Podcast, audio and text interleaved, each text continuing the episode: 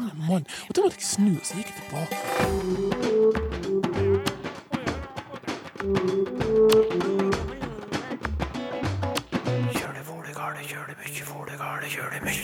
Vel møtt til Språkteigens påskemiks, hvor vi byr på et gjenhør av utvalgte saker.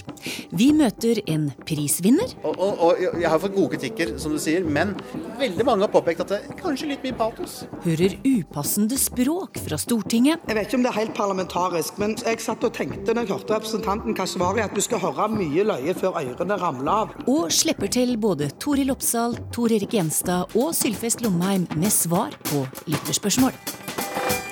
Og Toril, vi starter nærmest med ei lita gåte som vi har fått fra Terje Hogstad. Hør her. Hvis en snakker om regnet, og det begynner å regne, kan da si snakker om sola? Dette er en fabelaktig spørsmål. Eh, takk til Terje Håkstad. Eh, det kan man. Eh, og grunnen til at dette her blir litt komisk, kanskje, det er jo at her er det et ordtak eller en talemåte i overført betydning som blir brukt i en situasjon der man ikke kan unngå å tenke konkret. Eh, når man snakker om sola, så skinner den. Det sier man jo i de tilfellene man nettopp snakker om noe og har fokus retta et sted, og så plutselig inntreffer jo det man snakker om. Og det gjør jo det her. Man snakker om regnet, det begynner å regne, den situasjonen er der. Og da passer det utmerket godt å si 'snakker om sola', selv om den ikke er der. Så til et kort ord. Vigleik Arnbjørn Haga skriver rett og slett gitt. Hva betyr det, mon tru? Det har jeg lurt lenge på, gitt. Dette er jo strålende, for jeg gir jo Vigleik oss et eksempel. dette har jeg lurt mye på, gitt. Og dette her er jo en eh, interaksjon som alltid kommer til sist, eller i midten. Nei, gitt, dette har jeg lurt på, gitt. Eh, den fins også i varianten get. Ja. Eh, det har du kanskje hørt? Ja. Eh, og dette her kommer faktisk fra ordet gutt. Oh. Det er gutt. Get. gutt. Gutt, altså. Men det må du også forklare. Ja, dette her er nok, eh, og det legger vi jo merke til også når vi tenker på situasjoner der vi bruker get. Dette her er i muntlig, uformell dagligtale, og har antagelig da oppstått som en form for henvendelse til den du snakker med, som kanskje er en nær kamerat, eller nettopp en uformell samtale, hvor man da snakker til samtalepartneren og nevner dens tilstedeværelse, i dette tilfellet en gutt, get. Så denne guttebetydningen er jo overhodet ikke til stede lenger. Eh, Jeg tror ikke mange tenker på en gutt, get, men det er nok en gutt, get, som er, ligger til grunn for gitt. Vi skal til noe som ble en snakkis og en favoritthobby for mange, nemlig Pokémon Go. Og det er Arve Slettevold som spør hvordan det uttales. For vi sier jo Pokémon, men med apostrof over e-en så burde vel trykket vært lagt på den andre stavelsen, mener han. Ja, nå er vel denne lytteren eh, inne på Altså, vi ser for oss en logo hvor det står Pokémon. og der står det en stor apostrof, eller det står i hvert fall noe over e-en i denne logoen. eh, og her kan ikke jeg gjøre så veldig mye annet enn å spekulere litt. Eh, og det jeg lurer på, er om denne står her for å gjøre oss oppmerksom på at det nettopp er tre stavelser.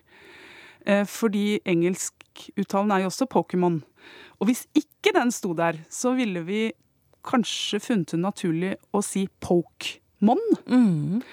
Eh, og opphavet til Pokémon, det er jo visstnok eh, pocketmonster. Dette her er lommemonstre. Så der har du pocket, og du har mon. Eh, japansk er ikke min ting, så det kan jeg ikke, ikke uttale meg om. Men, men eh, jeg, jeg mistenker at eh, denne markeringen av e-en er der for å understøtte at det er tre stavelser. Og så får du også løfta fram denne pocketmonster-tankegangen samtidig. Jakter du på pocketmonster, Toril? Eh, Jeg gjør ikke det nå, men jeg har en linjal med Pikachu på. Jeg må innrømme det, altså.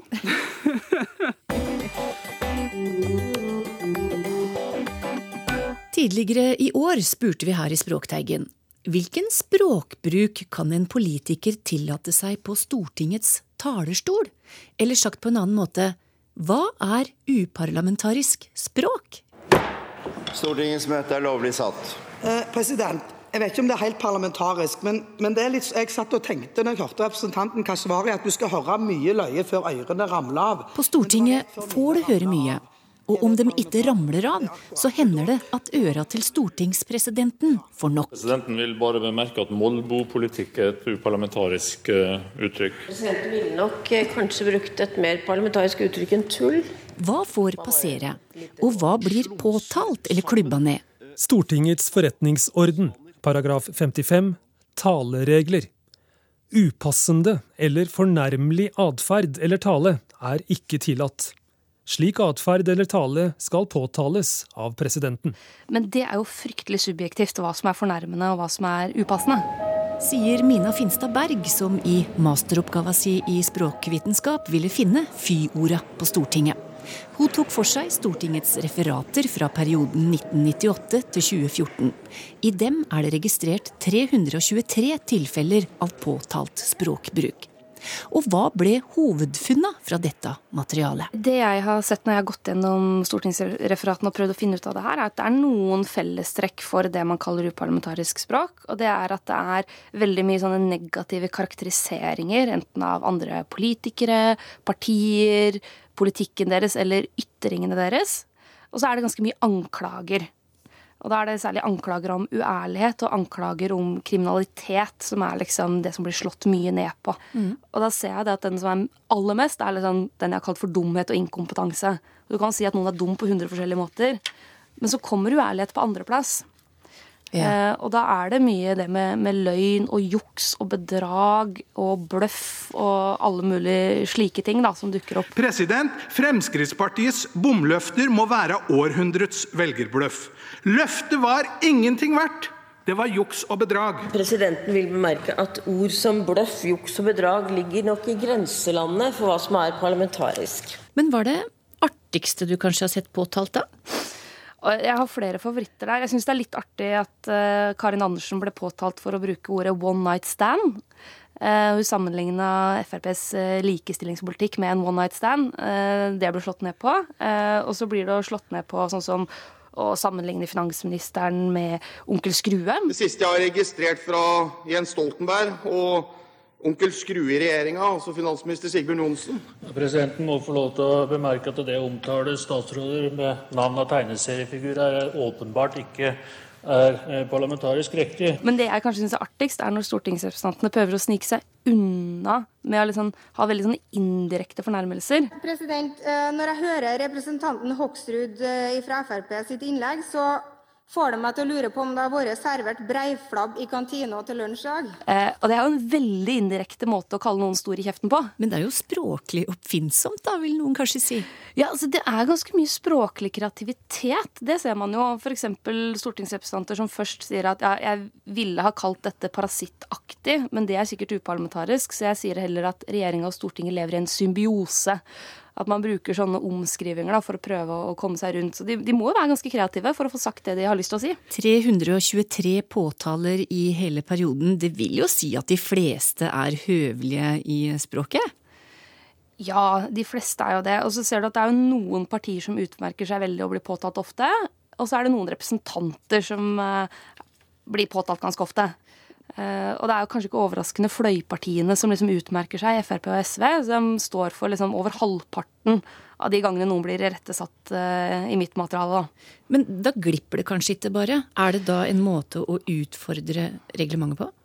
Jeg tror det kan være det av og til. Jeg har sett av og til at representantene begynner å nesten krangle med presidenten om hva som er lov å si og ikke. Og dermed vil salen i dag stemme ned et forslag det i realiteten er flertall for i en litt corny førjulsoppvisning i parlamentarisk politikk. Men representanten Valen snakket om at det ble fremmet corny forslag.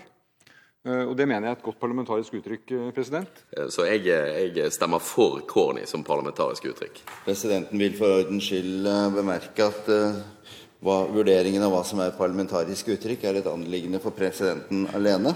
Påtale er jo én ting, men hvor ofte tas klubba i bruk? Altså, det er veldig sjelden at de faktisk klubber. Da skal folk ha gått veldig langt over streken. Eh, jeg fikk høre et eksempel hvor det var en representant som sammenligna en kvinnelig stortingsrepresentant med ei ku. Og da blir det banking i bordet, og da, da er det ferdig. Da får du ikke fullføre innlegget ditt. Nei. Men det er veldig sjelden at det skjer. Men er det forskjell på presidenta og hva de reagerer på? Ja, jeg ser at de er ganske inkonsekvente. Eh, at det er en del ord og uttrykk som det kan være liksom 50-50 om du blir påtalt for eller ikke. For så er det én president som sier at 'henger ikke på greip' er uparlamentarisk. Så er det en annen president året etter som sier at nei, jeg kan ikke se noen grunn til at 'henger ikke på greip' skal være uparlamentarisk. Så det er jo ikke så lett å være stortingsrepresentant heller, da. Så mitt spørsmål er han da på bærtur, eller har han glemt den rød-grønne versjonen av fordelingspolitikk? Presidenten er svært i tvil om ordet bærtur er et eh, parlamentarisk eh, uttrykk, men eh, vi får høre på statsråd Johnsens svar. Ærede president, men i, i, mange sammenhenger så er bærtur et positivt ladet begrep. altså I den forstand at det å, å si, bidra til sjølberging gjennom å plukke bær i skauen, er ikke så dumt. Er det litt snevert? Altså, Når jeg beveger bort fra det å være litt sånn språkvitter og litt mer sånn personlig, så syns jeg at de av og til er for strenge. Altså, Jeg skjønner behovet for at man ikke har en sånn type parlamentarisk debatt som man har i England, hvor man står og buer på hverandre og roper de styggeste ting. Det tror jeg ikke er noe bra for eller sånn, politiske debatten i Norge. Men, men jeg syns jo altså at det er en sånn tankekors at når man snakker om politikerspråk og tåkeprat, at er, hvorfor sier ikke politikerne det de egentlig mener? Men politikerne får jo ikke lov til å si hva de mener, for de kan jo ikke si at noen sauser ting sammen, eller at noe er et dårlig forslag, eller at noen er arrogante. Og Det syns jeg kanskje at man kunne vært litt mer liberal på en del sånne ting, da. Mm, og dette sier du som Mina Finstad Berg, sentralstyremedlem i fløypartiet SV? ja, det kan jo hende at jeg har noe med meg der, der også, men, men, det er, men, det er, noe med at hvis, hvis, det språket man bruker på Stortinget er veldig langt unna det språket vanlige folk bruker, mm. så kan det jo bli en del problemer. Der falt klubba for Mina Finstad Berg, som altså skrev masteroppgave om fy-ord på Stortinget. Da er det tid for servering av kaffe i Språkteigen, eller nærmere bestemt tynn kaffe. Noe som tydeligvis ikke går upåakta hen, og derfor har dukket opp i bunken med dialektspørsmål som Tor Erik Gjenstad skal få svare på i dag. Det er Lovise Omsveen som skriver Hei, min svigerfar brukte å si om tynn kaffe at det var nonnemig. Når jeg nå av og til bruker det uttrykket, så er det ingen som skjønner hva jeg mener. Så er dette et ord han sjøl fant opp, eller er det et gammelt uttrykk? Og Tor Erik, hva sier du til det? Ja, det er litt vanskelig å si, men eh, det er iallfall en del nettreff på eh, nonnemig om tynn kaffe, eller kanskje om tynn drikk i det hele tatt. Og temaet er jo velkjent. Ja, ja for du finner god del andre ord. Eh, det er liksom den samme ideen. Eh, jomfrumig. Uh, og du har også med danserinne, danserinnemig, danserinnepiss. og gjellkjerringvatn og gjellkonnovatn. Uh, og da er det noe et eller annet her med nonne, jomfru, gjellkjerring.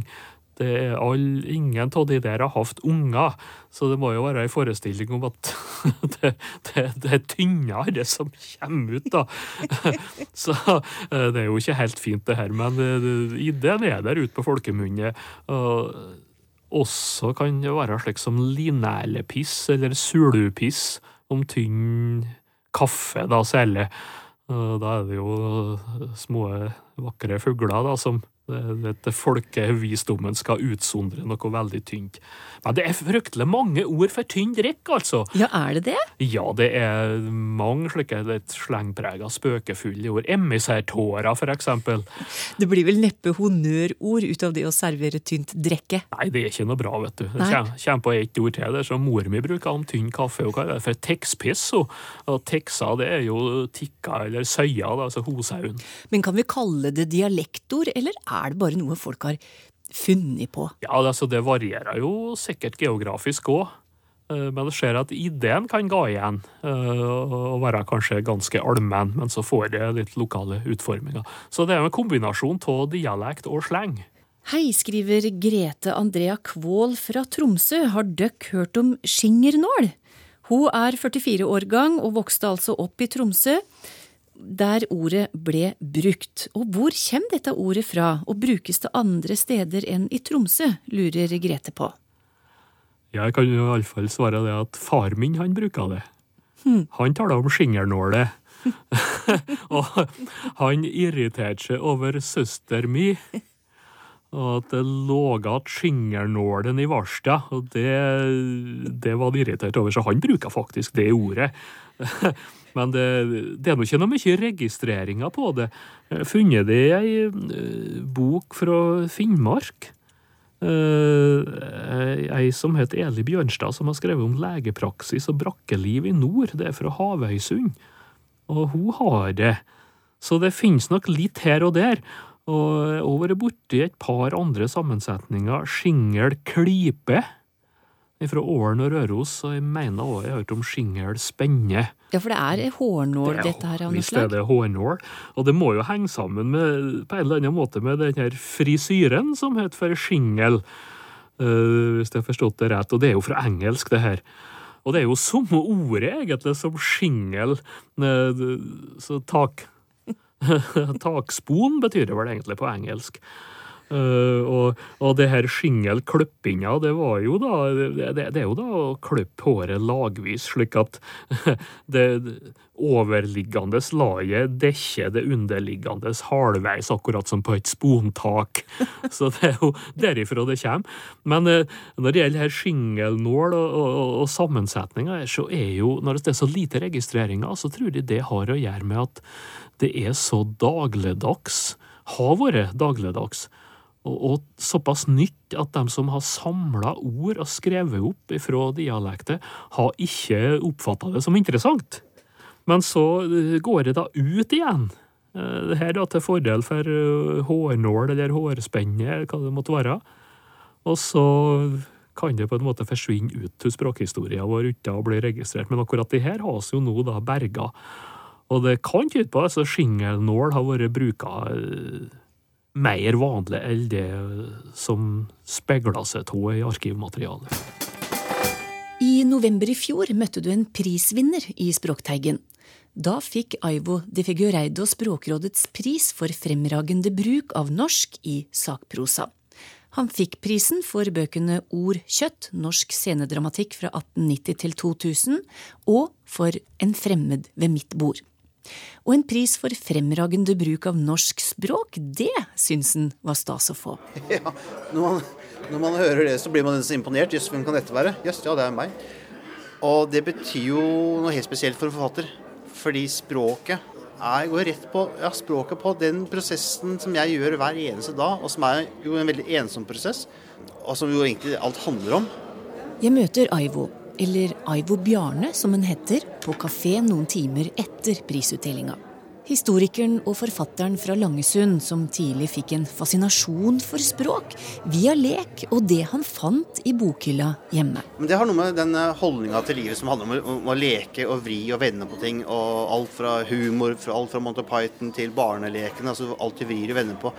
På, på ting, så jeg, jeg, jeg likte alltid snurrigheter i, i språket, og, og, og vi hadde ordleker eh, hjemme. Men eh, ja, det kommer fra lesing, da. Men det, ja, det gjorde det, men som barn så leste jeg det som sto i bokhylla, som folk gjorde. Så jeg leste meg gjennom eh, eh, svensk og dansk proletarlitteratur eh, fra 30-tallet før jeg var tolv. Liksom. gudene vet hva jeg egentlig Hvordan det har prega meg, det vet jeg ikke. Og på videregående, hvorfor jeg var sånn kjæresteløs nerd som, som søkte tilflukt i, og prøvde på å hevde meg på ved å sitere Oscar Wilde og sånn helt sånn håpløst. Uh, du kan tenke det. Det var ingen som falt for det? Nei da, det var ingen som Det var ikke noe magnet uh, i, i Oscar Wilde-sitater, nei. Men men, uh, men, men det er vel summen da av, av kjærlighet til språk og til litteratur. Men ikke bare da hva det handler om, men at du begynner å se hvordan det er skrevet. Og denne kjærligheten til språket var det juryen likte. Kombinert med hans evne til å håndtere store mengder fakta.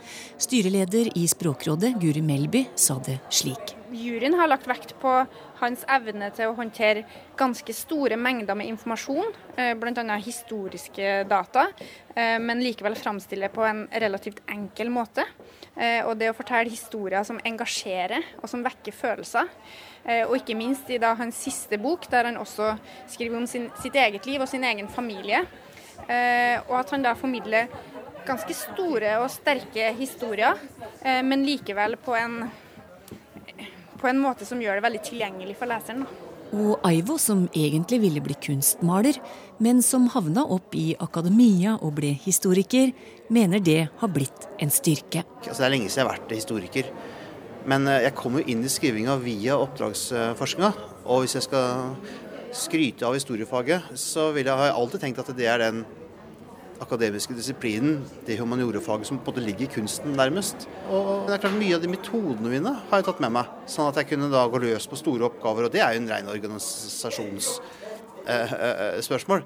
Så det er jo kjærligheten til det å skrive eh, i seg selv som eh, ligger i bånn. Og for min del så jeg tror jeg er jo ganske emosjonelt menneske. Altså jeg har voldsomme Jeg har et rikt indre liv, har min mor sagt. Det kan nok stemme at hun hadde et poeng der. Så, så det er klart at jeg, denne boka her, hvor jeg har skrevet om min egen familie, eh, og det stoffet har ligget så nært meg, og også i eksistensiell forstand, så har jeg nok hatt en følelse av at veien fra kroppen og følelsene til språket jeg bruker, har vært kort.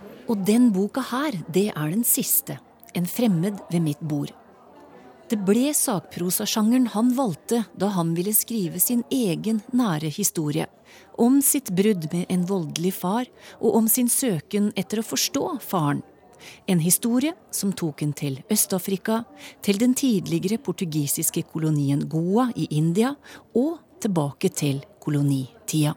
Og det er veldig interessant å se hvordan en familie på én generasjon går fra å være portugisiske indere til å bli eh, anglifiserte indere. Det har noe å gjøre med statusen deres, at de var byråkrater og imperietjenere. For, først for det ene regimet, og så for det andre. Dermed blir det òg en større historie om emigrasjon, imperiers fall og politiske systemskifter. I dag er slekta spredd over hele kloden. Og påvirker denne rike kulturen språket hans? Det er et morsomt spørsmål, fordi Uh, hvis folk fra Langsund hører det her, så kan de begynne å le. Fordi jeg er jo, jeg er jo fra Langsund. Altså jeg, er jo, jeg er jo veldig nylig blitt flerkulturell. Det, det, er helt nytt for meg. Men den kulturen jeg nå har blitt kjent med, da, som, som, kommer via faren min, så har jeg jo fått bekrefta at, at, at, det er noe med meg som matcher det der ute.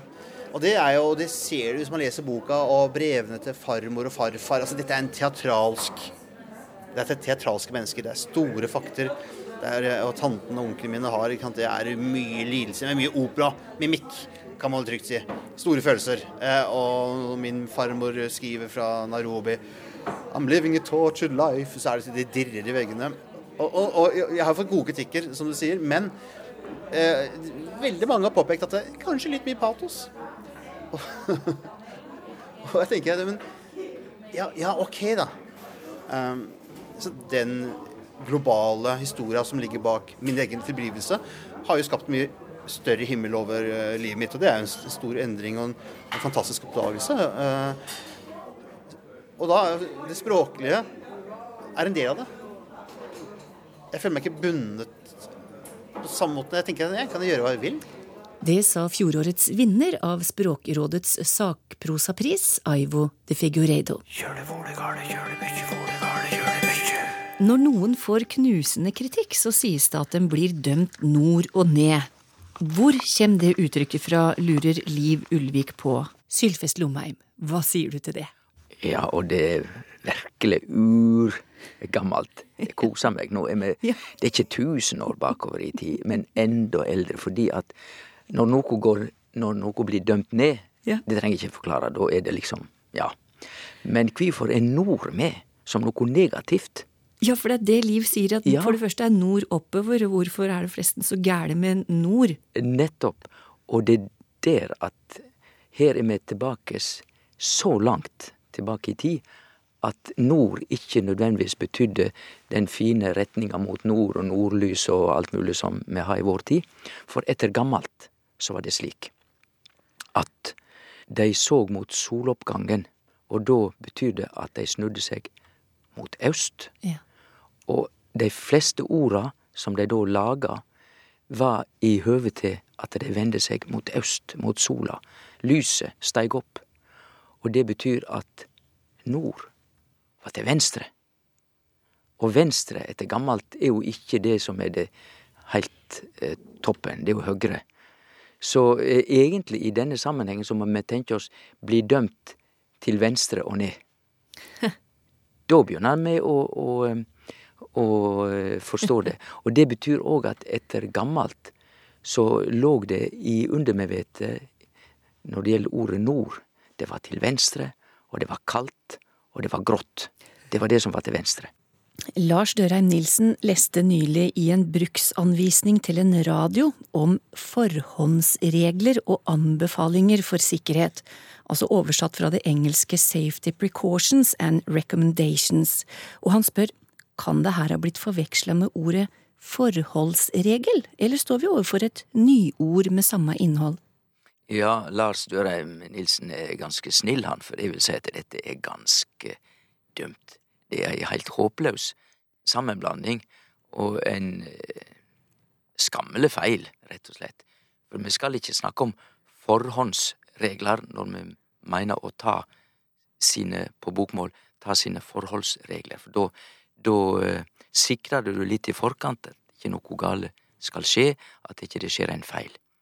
Men eh, vi hører jo òg at eh, folk da tenker på ja, det er best å være i forkant og tenke på det som kan skje, så at du på forhånd bestemmer deg for å passe på. Men vi må ikke blande sammen disse to ordene. Det er for dumt. Vi har fått brev fra ei jente som heter Astrid. Det vil si det er pappa Magnus Torvik som formidler spørsmålet hennes, og hun spør hvorfor heter det prikk lik når det ikke har noe med en prikk å gjøre? Og da må jeg si, Magnus, og til deg, Astrid, at jeg har undersøkt, og dette med å være prikk lik har jeg ikke sett forklart i mine bøker, iallfall, som inneheld faste norske uttrykk. Men det er jo ikke tvil om at det burde ha stått, fordi at det er jo et uttrykk som alle har hørt, at noe er prikk lik noe annet. Mm. Så det betyr at da må han Sylfest begynne å tenke litt sjøl. Mm. Og ein prikk er jo et lite punkt. Bitte lite punkt, rett og slett. Og det kjem fra et verb å prikke, som etter gammelt også betyr å stikke, altså et Og da blir det et lite punkt hvis du stikker, og lager et like hold, så prikker du og stikker. Men det hjelper ikke å forklare uttrykket at det er prikk likt, men da tenker jeg slik at hvis noe er likt på alle punkt, da er det veldig likt, fordi at disse punkta er jo så små at da er det likt heilt i de minste detaljene. Og med det var Språkteigens påskemiks slutt, og det gjenstår bare å ønske fortsatt god påske av det lille som er igjen.